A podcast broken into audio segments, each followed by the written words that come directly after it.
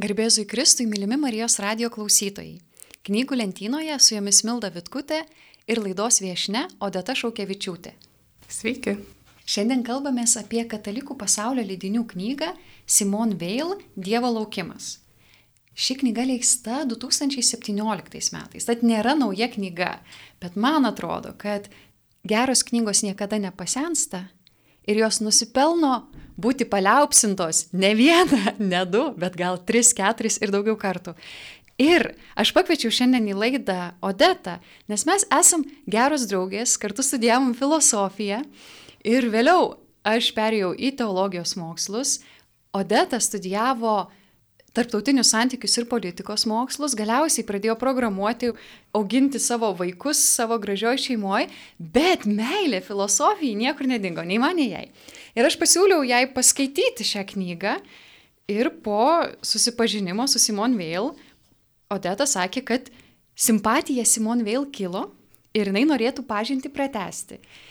Tai mes pradėjom prieš kurį laiką abi pažinti, gilesnę pažinti su Simon Veil Ji mus patraukė ir šiandien norim papasakoti jum, kuo ji mums įdomi. Tai pirmas klausimas, Odeta tau. Tai iš kur ta simpatija? Kas sukėlė simpatiją Simon Veil? Tai simpatija Simon Veil man sukėlė labiausiai tai, kad jinai sako, jog filosofija turi turėti praktinį aspektą. Čia yra dalykas, kuris man patiko apie ją labiausiai. Ir tai, kad jinai gyveno tuo, ką kalbėjo. Ir tai, kad jinai ieškojo tiesos ir teigia, kad tiesos tu negali surasti tik tai teorijoje. Tai tas turbūt buvo, buvo įdomiausia dalis apie Simon Veil. Ir šiaip Simon Veil yra įspūdingas žmogus apskritai. Taip. skaitant, skaitant jos biografiją, tada matai, kad e, ji mirė labai jauna, labai anksti. 34 metų. Kas yra jauna, ne? Taip. Kaip mes. Uh, tai va, bet, bet tai, kad jinai spėjo pagyventi taip, kad įprastai žmonės tiek nespėja, jeigu, jeigu taip nedaro per, per gerokai ilgesnį laiką. Viena iš diskusijų, kurias aš skaičiau, yra tas, kad kodėl žmogus taip kankinosi. Tiesiog galėjo jinai ramiau gyventi, parašyti daugiau veikalų, ne, nes nu, dar nieko ir neišleido, išskyrus keletą straipsnių būdama gyva. Kodėl jinai taip kankinosi ir kodėl jinai save tiek spaudė. Ir atsakymas yra pačios Simon Veil, nes jeigu tu gyveni atsargiai, jeigu tu vis, į viską žiūri per atstumą, nu nieko nevertas tas tavo gyvenimas, nes tu jame nedalyvauji. Tai va, taip man patiko šitą dalis. Taip, Simon Veil yra įspūdinga asmenybė ir galbūt ne visi Marijos radio klausytojai yra apie ją net girdėję. Tai mes pradžioje sutarėm su Deta, kad trumpai papasakosim jos biografiją. Ji įspūdinga, visko neišpasakosim, tai papasakosim per tuos aspektus, kurie mus pačias užkabino. Tai pirmiausiai, gal svarbu yra jos gimimo data. Taip, ji gimė 1909 metais, vasario 3 dieną, mhm. Paryžiui. Jos tėvas buvo gydytojas, mama buvo jos mama. Jinai turėjo brolį, apie kurį jinai rašo, jog šalia jo jinai visada jausdavosi nelabai adekvačiai, nes jisai buvo labai protingas ir lygindavo su Paskaliu. Taip, Oblezas Paskalis garsus matematikas ir filosofas. Beje, jos brolis po to tapo matematiku, irgi garsių matematiku. Taip. Taip.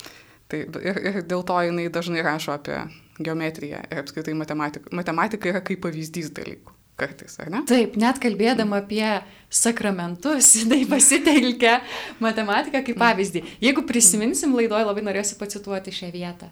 Mhm. Taip, ir būdama 12, jinai išmoko graikų kalbą, po to jinai išmoko sanskritą, kad galėtų skaityti Bhagavad Gita. Ir jinai po to studijavo kartu su Simon de Beauvoir Buvo, ten jos buvo vienos geriausių mokinių kurse. Jos baigiamasis darbas buvo apie e, Dekarto mokslo ir e, supratimo koncepciją. Nu, žodžiu, jinai tyrinėjo Dekartą, baigus mokyklą, baigus savo studijas. Jinai pradėjo dirbti mokytoje ir dirbo mokytoje apie 10 metų su, su pertraukom. Ir viena iš pertraukų buvo, jinai iš, e, išvyko į Ispanijos pilietinį karą, dalyvavo tiesiogiai, jos nenorėjo priimti, nes jinai turėjo labai uh, jinai labai blogai matė. Taip, jį vaikščiojo su storais, storais akiniais. Taip, bet jinai labai norėjo, kad jos siūstų kovinės užduotis. Ir jos kolegos nelabai norėjo to. dėl to, kad buvo pokštas, jog didesnis pavojus ne priešui. Nes jinai tiesiog labai blogai matė. Bet jinai norėjo dalyvauti visame kame, kas vyksta, nes kaip ir skaitysim knygoje ir visose kitose jos tekstuose, jeigu tau kažkas svarbu, tu turi pamatyti, kaip tai veikia. Nes teorija gali, teorija turi labai daug apribojimų. Ir vienas iš tų apribojimų yra tai, kad tu nematai ribojimų, kurie realiai egzistuoja realybėje. Ne? Parsiuntė ją atgal iš Ispanijos to pilietinio pasipriešinimo, nes jinai sugebėjo apsideginti dėl to, kad nelabai matė. Ir ką jinai veikė toliau? Ir toliau jinai dirbo mokytoja, po to 42 metais išvyko į Ameriką su tėvais, nes jau jos tėvai bijojo likti, jie be jos nebūtų keliavę, dėl to jinai turėjo keliauti su jais ir šitoj knygoje, kurią, kurią skaitom, taip pat jinai rašo apie tai, kaip jinai nenori to daryti. Bet vienas iš motyvų, kodėl jinai norėjo visai į Ameriką, jinai tikėjosi, kad iš ten galės keliauti į Angliją ir per ten jau dalyvauti Prancūzijos pasipriešinime pilietiniam. Ir jinai išvyko į Londoną. Bėda tame, kad jinai gavo darbą prie stalo ir jinai prašė, kad jie siūstų vėlgi į praktinius veiksmus, kuriuose jinai galėtų kažką daryti. Bet jinai susirgo ir mirė. Ir apie jos mirtį taip pat yra visokių, visokių istorijų, kurios gali būti teisingos, gali būti ne, kad jinai sakė, jog jinai valgys tik tai tiek, kiek žmonės, kurie yra toj situacijoje, kurioje tuo metu Prancūzija buvo.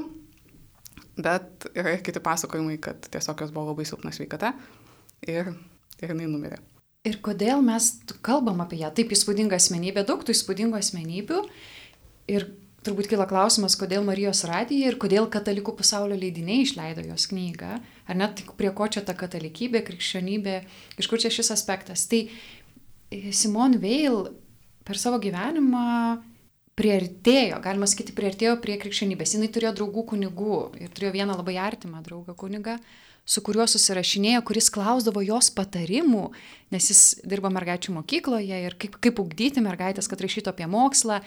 Jis versdavo įvairius tekstus, pavyzdžiui, iš graikų kalbos, literatūrinius tekstus, jie dalindavosi vertimais. Pavyzdžiui, jinai yra parašysi pitagorininkų komentarus ir prieš išvykdama, kaip palikimą išsintė kunigui, darykite, ką norite, štai turiu tokius netvarkytus komentarus, bet, nu, vat jūs galbūt kažką išspausit iš to, daugiau negaliu, duodu, ką turiu. Tai ji buvo filosofė, kuri savo gyvenimo patirtis apmastė ir, ir tokia ta jos filosofija. Ir taip pat ji buvo labai arti bažnyčios ir svarstė apie krikštą, svarstė apie tapimą bažnyčios nare. Ir labai labai ilgai ir svarstė ir galiausiai gyvenimo pabaigoje, sako, aš nusprendžiau, kad aš nesikrikštysiu. Dėl to, kad mano darbas yra intelektualinis, tai yra mano pagrindinis darbas, krikštas patrukdytų jį vykdyti. Kai kurie iš jo laikinių mąstytojų Simon Veil laiko arba vadina anoniminę krikščionę. Šis terminas yra nukaltas teologo Ranerio. Galima įvairiai interpretuoti. Aš pati kažkaip nepalaikau šito termino, kad žmogus gali būti anonimiškai krikščionis. Man atrodo, kad būti krikščionim tai yra labai tiesiai, šviesiai, aiškiai išpažinti Jėzų Kristų ir savo priklausimą bažnyčiai, ypač jeigu esi katalikas. Nu, krikščionis taip, akivaizdžiai išpažįsti Kristų, katalikas sakai taip, apreiškimą, kurį mes gauname per Kristų, ne, mes jį gaunam per bažnyčią, nu nėra kito kelio. Tai taigi yra, aš sakyčiau, tiesi pozicija. Bet tai, kad jinai judėjo to link, nuolat svarstė ir kaip pati sakė, kad tiek, kiek dabar galiu, sakau galutinai, bet tiek, kiek įmanoma žmogui kažką pasakyti galutinai, kad taip, aš nusprendžiau netapti oficialiai katalikų bažnyčios nare dėl intelektualinio gyvenimo, bet kaip ir jį pati sakė, žmonės keičiasi, jos patirtis buvo gyvenimo įdomi tuo, kad ant kažko labai užsikabina, kažkokia idėja, tada eina ją ištirti pati savimi savo gyvenimu ir tada kartais nusivelia ir ją palieka. Čia galima visai svarstyti, kas būtų, jeigu būtų, pavyzdžiui, jeigu būtų jinai gyvenusi dar dešimt metų, bet yra kaip yra, mes turime žmogų, kuris labai intensyviai ieškojo tiesos, krikščionybė jai atrodė kaip ta vieta, kur galima ją rasti. Mes žinom, kad jinai išmokusi graikų kalbą iki gyvenimo galo na žinoma, paskutinius metus jinai nesikapstė darže, bet jinai turėjo namus, kur kapstydavosi kiekvieną dieną darže ir kalbėdavo tėvę mūsų maldą graikiškai, labai išlėto, apmasydama kiekvieną žodį. Tai jinai turėjo maldos praktiką ir kai kurie vadina ją mystikę, krikščionių mystikę. Man, pažiūrėjau, įdomus gyvenimo aspektas yra toksai, kad gyvenimo pradžioje ji buvo labai susižavėjusi, gyvenimo pradžioje, nežinau, in, intelektualinio gyvenimo pradžioje, marksizmu. Jai atrodė, oh, čia toks stiprus, didelis rūpestis nuskriaustaisiais. Ir jinai turėjo, iš tikrųjų, nu jos rūpestis kenčiančiai žmonėms buvo labai stiprus. Ji pati turėjo problemą, jie labai skaudėdavo galvą, matyt, čia buvo migreniniai skausmai, jie labai stiprus, jie taip, nu, stipriai atjungdavo nuo gyvenimo, žinai, labai stipriai užjautė kenčiančių žmonės. Nežinau ar dėl to, bet turbūt ir tai turėjo kažkokį stiprų vaidmenį, nes jinai visai kaip fiziškai jausdavo, ką reiškia gyventi skausme. Taigi, susižavėjusi Marksu, jinai galvojo, o man reikia pažinti, kaip atrodo darbininko gyvenimas, kurį aprašo Marksas. Ir jinai pati nuėjo dirbti į gamyklą. Tai keletas dalykų, kuriuos jinai po to rašė, padirbusi gamykloje, sako, pirmą, aš supratau, kad Marksas yra melagis. Jis visiškai nepažįsta šitų darbininkų gyvenimo, jeigu jisai pažinotų tokių sprendimų, kokius jisai siūlė, jis nesiūlytų. O antra, sako, aš pajutau, ką reiškia darbas, kuris atima tavo žmogiškumą. Tai yra, sako, toks monotoniškas darbas, kuriame tu palūšti, tu dingsti kaip asmuo. Nesako, tai nėra tiesiog darbas, kai tu turi savo ūkį, nežinau, augini gyvulius, būni su šeima ar kažkaip bendrauji, tai yra visiškai tave kaip žmogų nualinantis, nuosmeninantis darbas. Taigi jinai gamykloje nedirbo ten dešimt metų, jinai padirbo apie metus, bet jau po kelių mėnesių jinai pajuto, kad tai greuna žmogų iš vidaus, tokia veikla, toks darbas kaip mašinos darbas nužmogina. Bet ji tęsė toliau, sako, aš noriu labiau suprasti, kaip tai paveikia žmogų. Jau, jau pajuto pavojų, kad čia kažkaip pradeda pamažu palūšti ir vis tiek tęsė toliau. Tai vad ji tokia įdomi asmenybė, kažkokia idėja ją labai pakabina ir tada jinai eina tikrint, ar tikrai taip yra. Ar šitas žmogus iš tikrųjų tyrinėjo tikrovę ir iš jos ištraukė savo idėjas, kaip čia spręsti problemas, ir jinai norėjo išgyventi, viską išgyventi, viską patirti savo kailiu. Aš šiek tiek matau tą situaciją kitaip. Mhm. Vienas iš dalykų dar tada, kai Simon Vėjų studijavo, kai jinai žavėjosi marksizmu, jos tėvų namuose netgi Trotskis buvo apsigyvenęs kuriam laikui. Ir po to jinai rašė taip pat straipsnius apie marksizmą. Ir vienas iš dalykų, ką jinai jau teigia ir tada, tai tai, kad uh, Jeigu tu esi kairysis ideologas arba biurokratas, tu gali sukurti tokią pat priespaudą kaip blogiausi kapitalistai. Kad nėra problema tame, jog yra kapitalizmas ir socializmas. Problema yra tame, kad koks yra požiūris į žmogų ir apskritai, kiek yra ideologija stipri ir kiek jinai atsižvelgia į realybę. Ne? Tada kitas dalykas, kaip tu sakai apie tai, kad jai kyla idėja ir neina jos tikrint. Ir šitoj knygoje buvo viena vieta, kuri man labai patiko, kai jinai sakė, jog jinai buvo agnostikė, nes jai tiesiog trūko duomenų. Ir problema tame, kad tuos duomenis tu gali rasti tik tai realybei. Ir tada, kad kažką tai suprastum, kažkokį svarbų klausimą. Aš nežinau, ar čia diskusija su tavim, bet uh, tu turi gauti tiesiog papildomų duomenų. Tai nėra, kad tu tikrini, ar jinai teisinga, bet tiesiog apskritai tam, kad tu turėtum kuo pilnesnį vaizdą, tu turi turėti ir realybės aspektą, nes iš jo atsiranda pribojimai. Ir būtent tas uh, su Simon Vėjų man irgi buvo labai įdomu, tai yra tai, kad supratimas, jog tavo pasaulio suvokimas nesvarbu, kiek tu jį turi rimtai išanalizuotą, jis visada yra dalinis. Ir tai, ko jinai siūlo ieškoti, tai pozicijų, kurios sujungia skirtingus požiūrius. Kaip priešingos pozicijos gali atrodyti, arba kaip tu gali suprasti priešingas pozicijas kaip vienumos dalį. Man labai patinka tavo įvardinimas, Odeta, kad ką Simon Veil darė arba suprato, jog norint patikrinti teoriją, pažiūrėti, reikia duomenų. Ne tai, kad patikrinti, bet o čia man įdomu, žiūrėkim toliau. Jo, reikia susirinkti duomenų iš tikrovės. Aš kartais tokį vidinį priešiškumą jaučiu, kai žmonės taip sako, ai, čia tai teorija, o va praktikoje tai visai kitaip dalykai veikia, tarsi šitie dalykai būtų nesusiję. Tai man gal tuo patinka Simon Veil, kaip jinai analizuoja tikrovę, jinai supranta, kad teorija kaip tokia, jinai ne, nu, neįmanoma jo suformuluoti, neatsižvelgiant į tikrovę. Kad teorija tai yra apmastyta, reflektuota tikrovė. Kuo daugiau duomenų patiri, išbandai, sujungi, tuo daugiau tavo tas tikrovės vaizdas aprašymas kaip teorija bus patikimesnis, nes tu negali Būsim tik praktinė sritimi, tik veikti, veikti, veikti ir neapmastyti ir paskui neįžodinti. Tas įžodinimas irgi svarbus aspektas. Tai man gal tuo patinka ir tavo vardinimas, Odeta, kad Simon Veil ieškojo vis daugiau duomenų. Kaip sakė, aš, aš laikiau save agnostikę. Tai vadinasi, agnostikai nesako Dievo nėra. Jie sako, nu gal yra, gal nėra. Aš neturiu pakankamai žinių, tai tyliu šitų klausimų. Štai tokia pozicija. Tai panašu, kad tokia lik laikysena jos buvo visų teorijų atžvilgių arba visų idėjų atžvilgių. Man reikia daugiau domenų. Aš dabar nežinau, einu ieško domenų. Kabina šitą idėją, kažko įdomi, gal kažką atliepia, man reikia daugiau. Manau, kad taip, nes teorija yra labai svarbu, kad tu pamatytum kažkokį pasaulio aspektą, kaip sakai, kad užkabintų kažkoks pasaulio aspektas. Bet tai yra pirmas žingsnis, po to tu eini žiūrėti, kaip tai iš tikrųjų veikia, nes teorija yra apie realybę. Taip. Dėl to yra, man patiko labai ta istorija jos apie, kaip jinai teigia, jog užrašas ant Platono akademijos išverstas neteisingai. Ant Platono akademijos buvo užrašas, kad neišmanantis geometrijos čia tegul neįeina. Ir Simon Veil sakė, kad teisingiau būtų versti tas, kuris nėra geometras, tegul čia neįeina Ir taip yra dėl to, kad geometrija pagal Simon Veil yra toks grinas pasaulio formų ir jų sąsajų tyrinėjimas. Ir kai tu užsiemi geometriją, tu visada turi tiesioginį sąlytį su pasauliu. Kitaip tariant, tai, kas tave domina, yra tikrovė, tai, tai kas iš tikrųjų egzistuoja. Ir e, pagal ją tai buvo pasakymas, čia užsiemam filosofiją, o ne sofistiką. Kitaip tariant, mes darom ne tai, kas mums malonu, tai nėra intelektualinis žaidimas, o mes ieškom tiesos arba užsiemam tikrovę.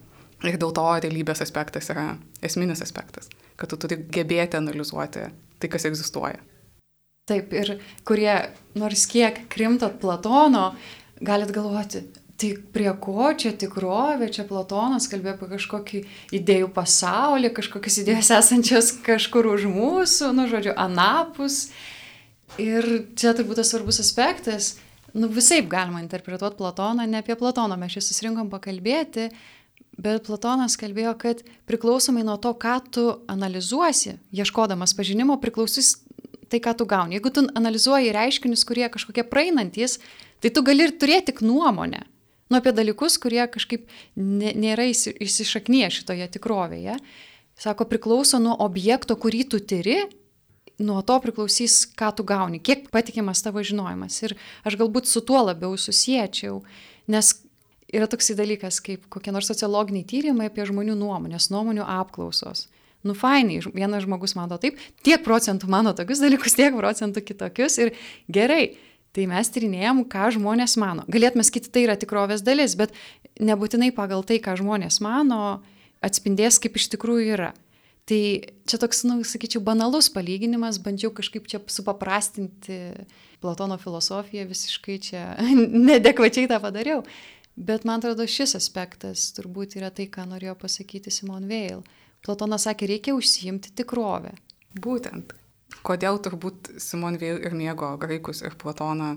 Dėl to, kad jų pagrindinis tikslas buvo suprasti tai, kas egzistuoja kas iš tikrųjų yra tikra. Taip. Ir žinai, kas įdomu, kad teiginys, kad kažkas tyrinėja tikrovę, mums bekalbant, tampa problemiškas, nes reikia paaiškinti, kas ta tikrovė ir kas ta tiesa, nes ar nuomonės yra tikrovė. Ir turbūt geroji dalis su uh, Platono filosofija ir senovės graikų filosofija, tai buvo problemiškas klausimas, ta prasme, kaip atskirti tikrovę nuo ne, bet pats vartojimas turbūt termino buvo kiek paprastesnis.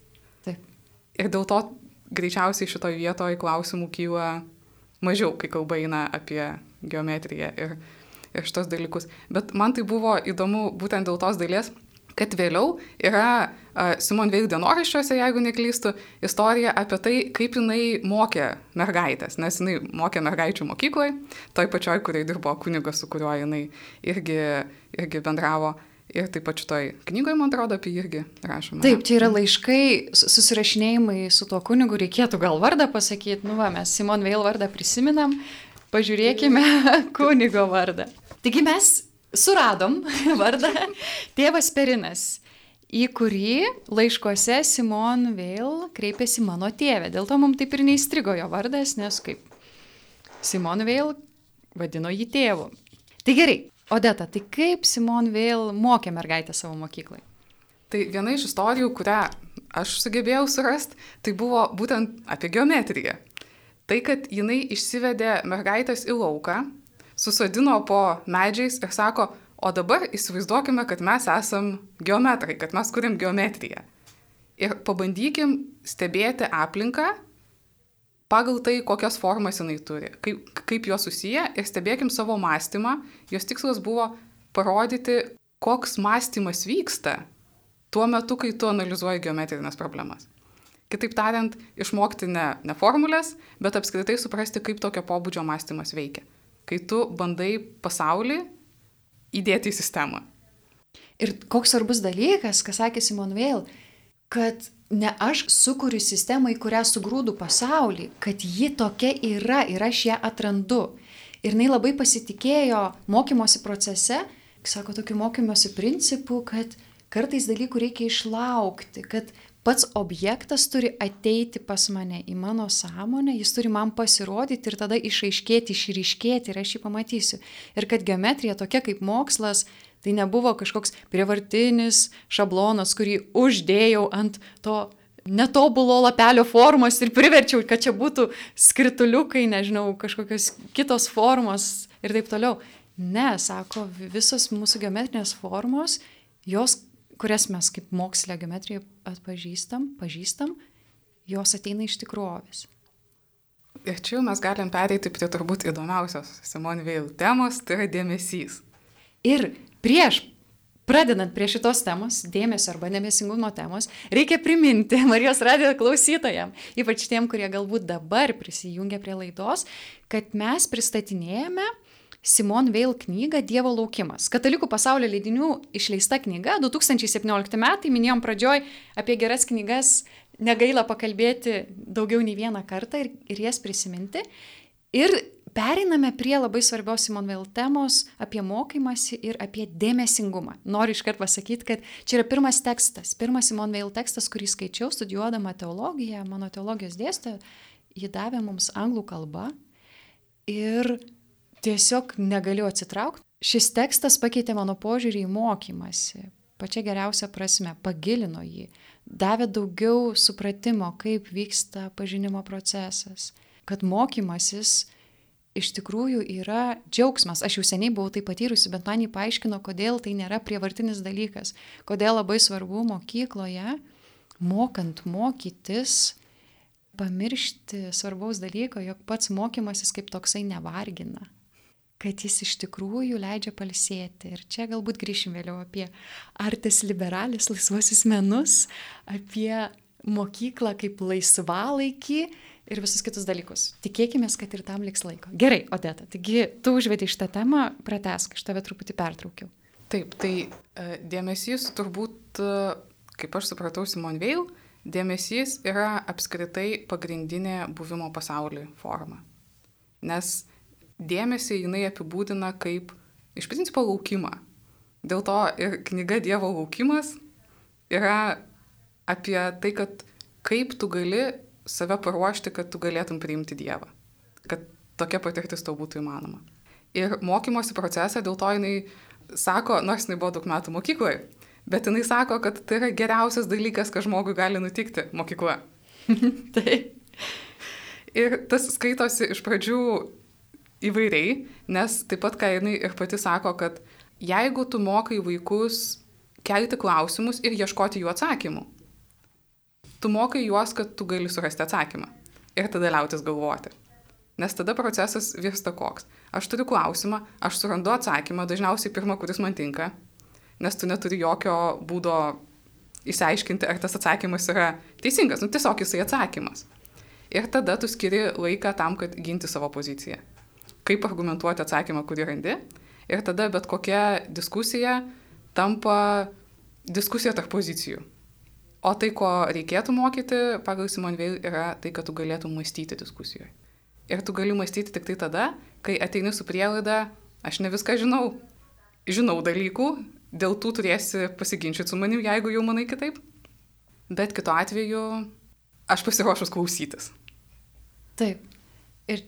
Nu čia atrodo toks banalus dalykas, bet mums reikia tą prisiminti. Ir Simona vėl labai gerus argumentus duoda, kodėl mums pokalbėje labai svarbu ieškoti tiesos, neįrodinėti savo pozicijas, net kažkokią galę pasipuikuoti, bet ieškoti tiesos. Ne tik dėl to, kad, oi, koks šis čia blogas, jeigu bandau kitą pažeminti ir parodyti, koks jis kvailas, nes ne, aš prarandu, tai tas pokalbis nueina per niek, jeigu aš netyrinėjau, ką kitas žmogus sako, ne, ne jį žiūriu, ne, negirdžiu jo.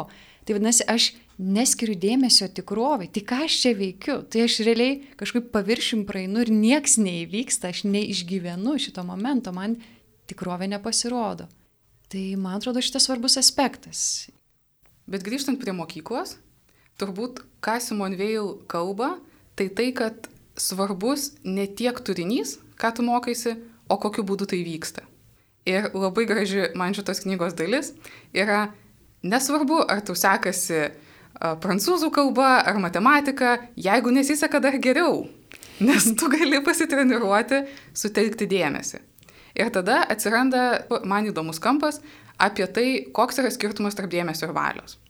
Nes Simon Veil yra žmogus, kurį skaitant, tu matai, kad tai yra žmogus, kuris turėjo stiprią valią, ar ne? Jinai darė dalykus ne tuos, kurie gerai jaučiasi, jinai darė teisingus dalykus. Kitaip tariant, jos protas galėjo nukreipti valią gana, atrodo, nelabai ne sudėtingai. Ir tada klausiu, o tai kodėl ne valia, o dėmesys?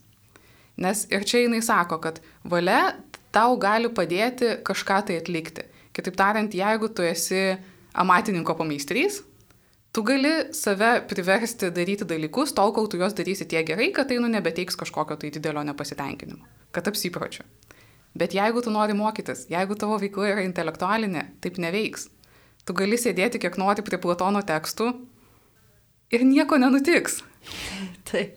Jeigu tau jie neįdomus, tu juos gali atmintinai mokėti, nieko nenutiks.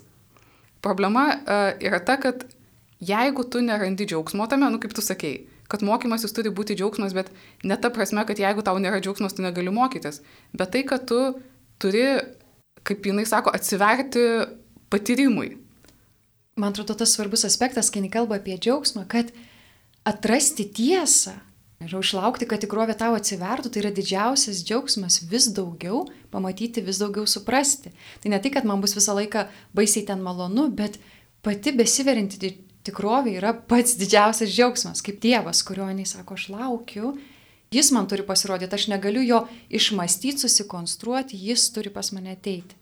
O tai kaip tai padaryti? Taip, ir tada yra tas dėmesingumo elementas. Mhm. Tai va.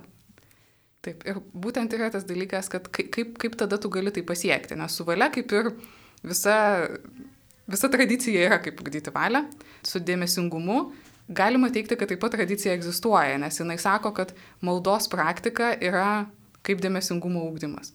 Tu atsiveri santykiui su kažkuo, ko tu nepažįsti su, su kažkuo, kas yra visiškai kita. Kas irgi man pasirodė, mintis šokinėja, bet e, įdomi dalis yra tai, kad kai tu nori kažką sukurti, tu turi sutelkti dėmesį tai, kas neegzistuoja. Tavo dėmesio objektas turi būti tai, ko nėra, ko dar nėra. Taip. Nes tik tai tada tu gali pažinti kažką, ko iš tikrųjų nebuvo. Nes kitu atveju, kaip teorijoje turbūt, tu gali įsiaiškinti tik tai tai, ką jau ir taip žinojai.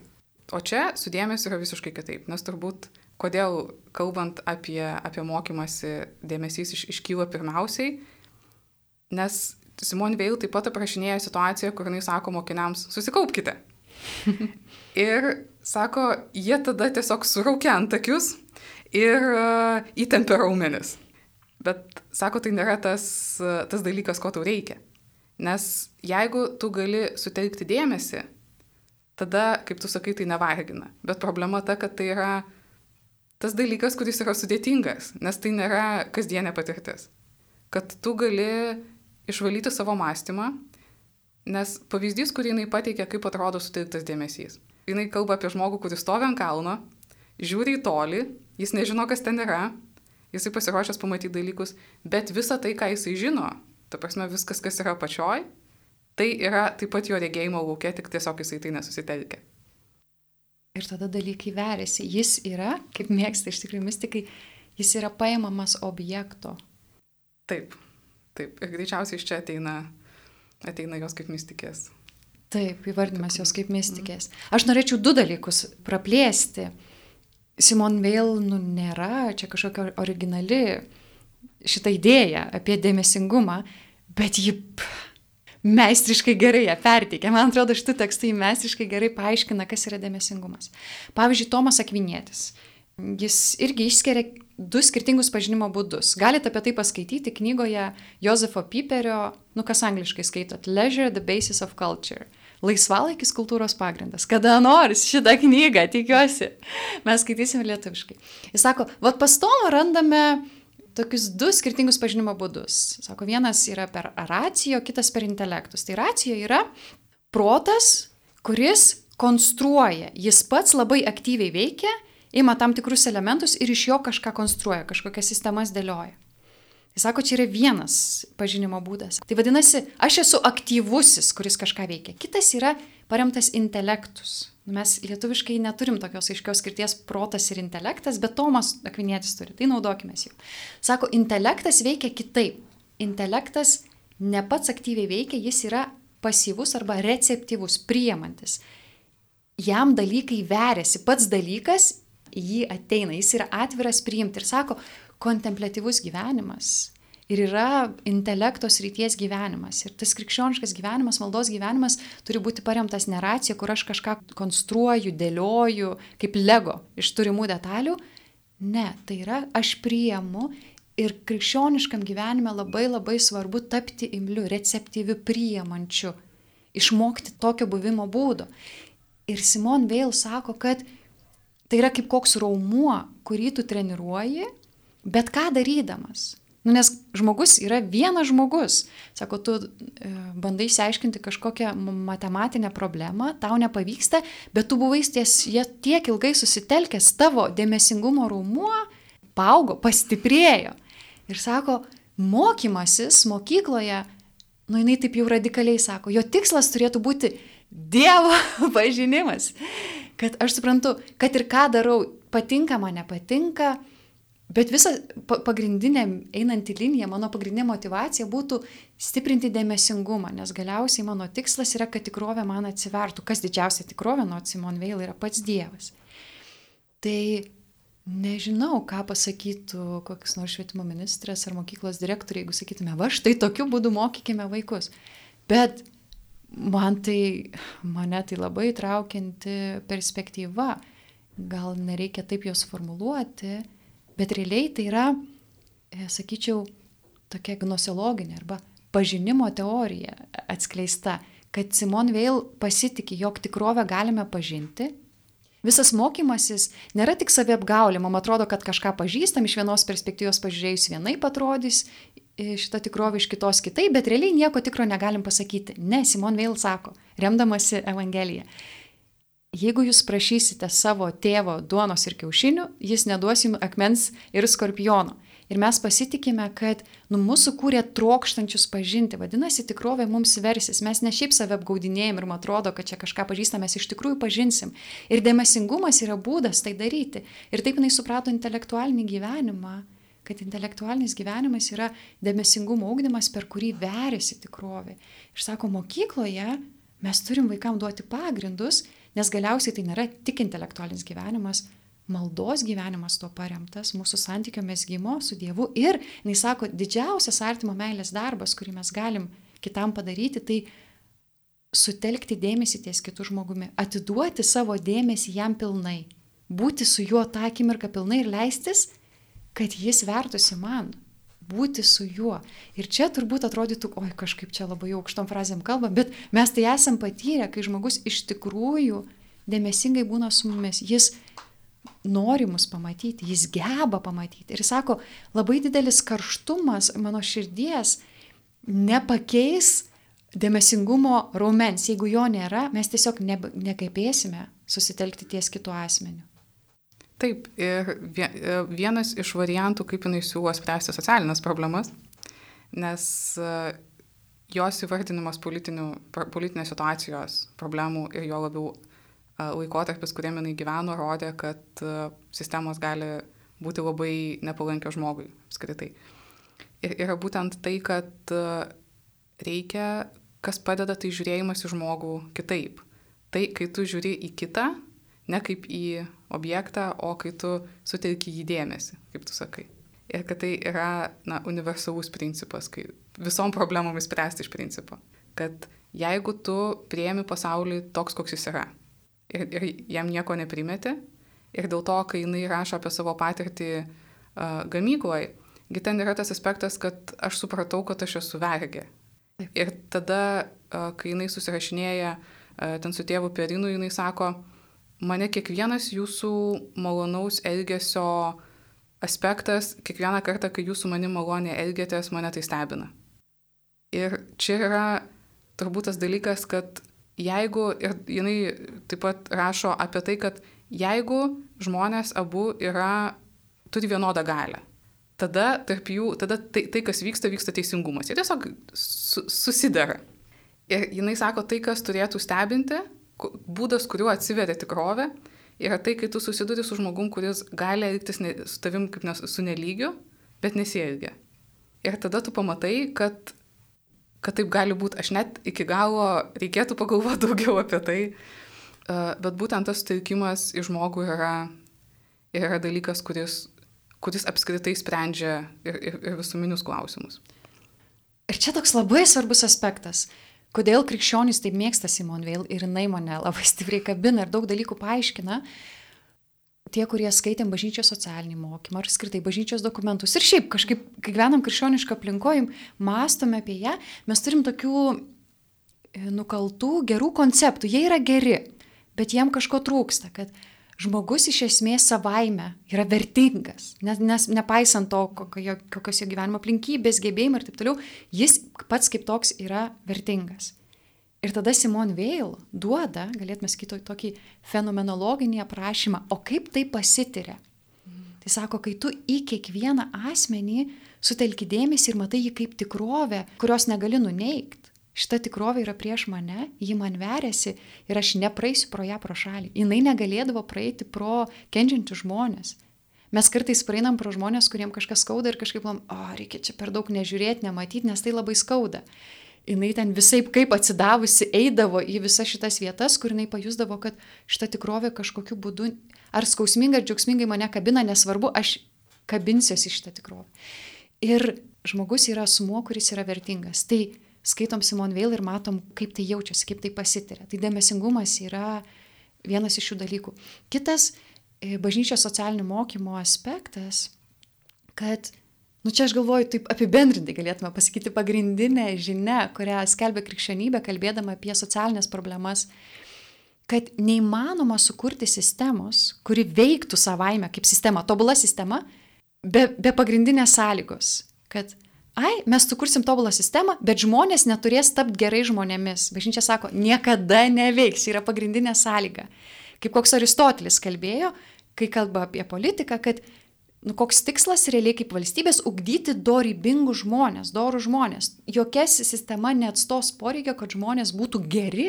Kitaip nieks neveiks, viską galim šiam pasauliu sugadinti. Mes jaučiam, viskas byra griūva ir, nu, net ir puikiausią sistemą gali sugadinti dėmesio. Tai nereiškia, kad visos sistemos vienodai lygios, kai kurios gali būti tragiškai blogos, visiškai nevykusios. Bet manau, kad šį aspektą atspindi Simon Veil, kalbėdama apie socialinių problemų sprendimą. Taip, manau taip, ir kad viskas visgi turi eiti iš žmogaus požiūrio į pasaulį. Aš tiesą sakant, nelabai žinau, kaip, kaip tave papildyti, nes, nes tu atsakėjai labai, labai, labai išsamei. Ir greičiausiai apie tuos būdus, kaip, kaip tuo geru žmogum tapti. Na, šiuo atveju turbūt uh, jinai kalba apie, apie žmogų, pas kurį galėtų ateiti Dievas, ar ne? Nes žmogų, kuris galėtų turėti Dievo patyrimą. Tai vienam, vienam iš tekstų čia jinai ir vardina tris būdus, kaip tu gali tai daryti. Tai yra artimo meilė, grožio patyrimas ir religinės ceremonijos. Kad kaip tu gali lavinti savo dėmesį arba ugdyti dėmesį. Ir pirmas dalykas, ką mes aptarėm, yra artimo meilė. Būtent tai, kai tu niekada nežiūrėjai kito žmogų kaip į objektą. Nes e, pas ją yra tas jėgos terminas ar, ar galios, aš ne, ne, nežinau, koks tikslesnis vertimas, kai tai yra dalykas, kur gebėjimas paversti bet ką objektų. Bet kokį žmogų, bet kokią kad būtų aiškiau, daiktų. Objektas tai daiktas, kažkoks nuosmenintas, kurį Taip. gali padėti kur nori, pastumt, žodžiu, praeini pro e, akmenuką. Objektas. Taip, tai jeigu tu sugebi to nedaryti, nes tai yra pirminis požiūris, kuris dažniausiai, kurį norisi daryti, kaip tu sakai, matai žmogų, kuriam blogai ir norisi, norisi praeiti, nes manai, kad net laikysi tos sunkios patirties ir tiesiog, ir, ir, ir tiesiog leidi jam tame, tame pabūti. O kitas aspektas - grožio patyrimas. Ir jis labai geras būdas sugdyti dėmesį dėl to, kad čia grožį Simon vėl supranta, pan, remdamasi kantų, panašiai kaip kantas, kad tai yra visiškai nesuinteresuota patirtis. Jis tave pagauna ir traukia. O trečias ceremonijos, religinės ceremonijos, dėl to, kad juose tu turi santykiai, gali patirti santykiai su kažkuo, su Dievu. Laidainai pabaiga, mes su Deta norim toliau kalbėti, nėra ką daryti. Gal mes susitiksim dar pasikalbėti čia apie kitą Simon Veil knygą. Yra ne tik viena išleista lietuviškai, bet turbūt norisi kažkaip apibendrinti. Vis tiek knygų lentynoje, knygų klubas, kalbamės apie knygas. Kam siūlom šią knygą? Tai jau iš mūsų pokalbio pamatėt, mums šita knyga patinka. Jeigu jums patiko klausytis, jeigu e, patiko tokio pobūdžio pokalbis, mąstymas, tai Simon Veil štai iššaukia tokius, tokius pamastymus.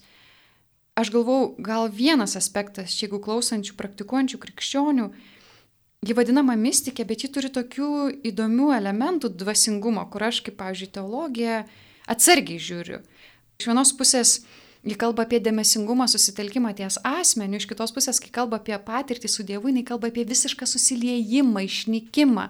Ir aš galvočiau, kaip reikėtų tai vertinti, nes nu reikia kažkaip abu dalykus sujungti ir dėmesingumą į asmenį, negalim prarasti asmens kito žmogaus, iš kitos pusės dvasinė patirtis su Dievu, šita tokia gilis yra liktai aš išnykstu. Tai čia turbūt jinai, nu aš galvoju, kaip neišmananti Simon Veil, bet šiaip neseniai susižavėjusi, kad čia labiau kalba apie patyrimą, kad tu, kai esi su kitu žmogumi, tu nepradedi galvoti, ką aš čia mastau, kaip čia kas yra, tu kaip grožio patirti užlipi kalno viršūnę ir tiesiog vaizdas tave paima. Tai ir patyrimas būnant su Dievu ar su kitu asmeniu, kur atrodo mes taip susitikom ir mes lik viena. Esame lik viena. Tai iš vienos pusės būtų galima kabinėtis prie jos kaip mystikės aprašymų ir prie visų mystikų aprašymų labai lengva šituo aspektu kabinėtis. Aš savo kol kas šiuo gyvenimo momentu daviau tą atsakymą, kad tai yra patyrimo aprašymas ir jis iš tikrųjų jaučiasi, kad nu mes esam viena ir tai yra didžioji vienybės, meilės patirtis. Tai aš sakyčiau, tinka krikščionim, tinka nekrikščionim, tinka ieškantiem, man jinai atrodo labai labai universali Ir tai nebus greito skaitimo knyga. Tai bus tokia knyga, kur norėsis apmastyti, apgalvoti, ką jinai rašo. Ir turbūt tas Odeta tavo pasakymas, kad tai yra moteris, kuri rinko duomenis apie tikrovę, šitą perspektyvą leis geriau ją suprasti. Tai aš sakyčiau, žmonėm, kurie norėtų kažkaip užkabino tą mintis apie dėmesingumą, apie Dievo laukimą, apie pažinimą, kuris paremtas laukimu, norėtumėt sužinoti daugiau, arba patys kažkaip irgi turi tokį santykių su bažnyčia, aš lik ir patinka man ji, bet ne iki galo aišku, aš čia galiu būti jos narys ar ne, tai ta knyga irgi turėtų užkabinti. Odeta, kam tu siūlytum šitą knygą? Aš siūlyčiau žmonėm, kurie kaip ir nori artėti prie Dievo, bet racionalūs argumentai nėra pakankami, kur intelektas trukdo trukdo artėti prie Dievo. Nes Simon Veil įvardina tai kaip problemą savo irgi. Jis kalba apie tai, kad jeigu ji neturėtų puikybės, dalykai būtų paprastesni. Ir jinai taip pat kalba apie tai, kad jos pašaukimas yra intelektinis. Intelektinis darbas yra jos pašaukimas. Tai tiem, kuriem kyla klausimų būnant bažnyčioj ir kuriems atrodo, kad a, religija ir racionalumas ne visai dera, tai čia autorius, kuris turėjo tą pačią bėdą ir, ir surado, surado kelią, kaip galima bent jau artėti prie to. Jūs klausėte laidos knygų lentynoje. Kalbėjomės apie katalikų pasaulio leidinių knygą Simon Veil Dievo laukimas. Su jumis bendravo laidos viešne Odeta Šaukevičiūtė ir Milda Vitkutė. Su Dievu. Gerą skaitimo.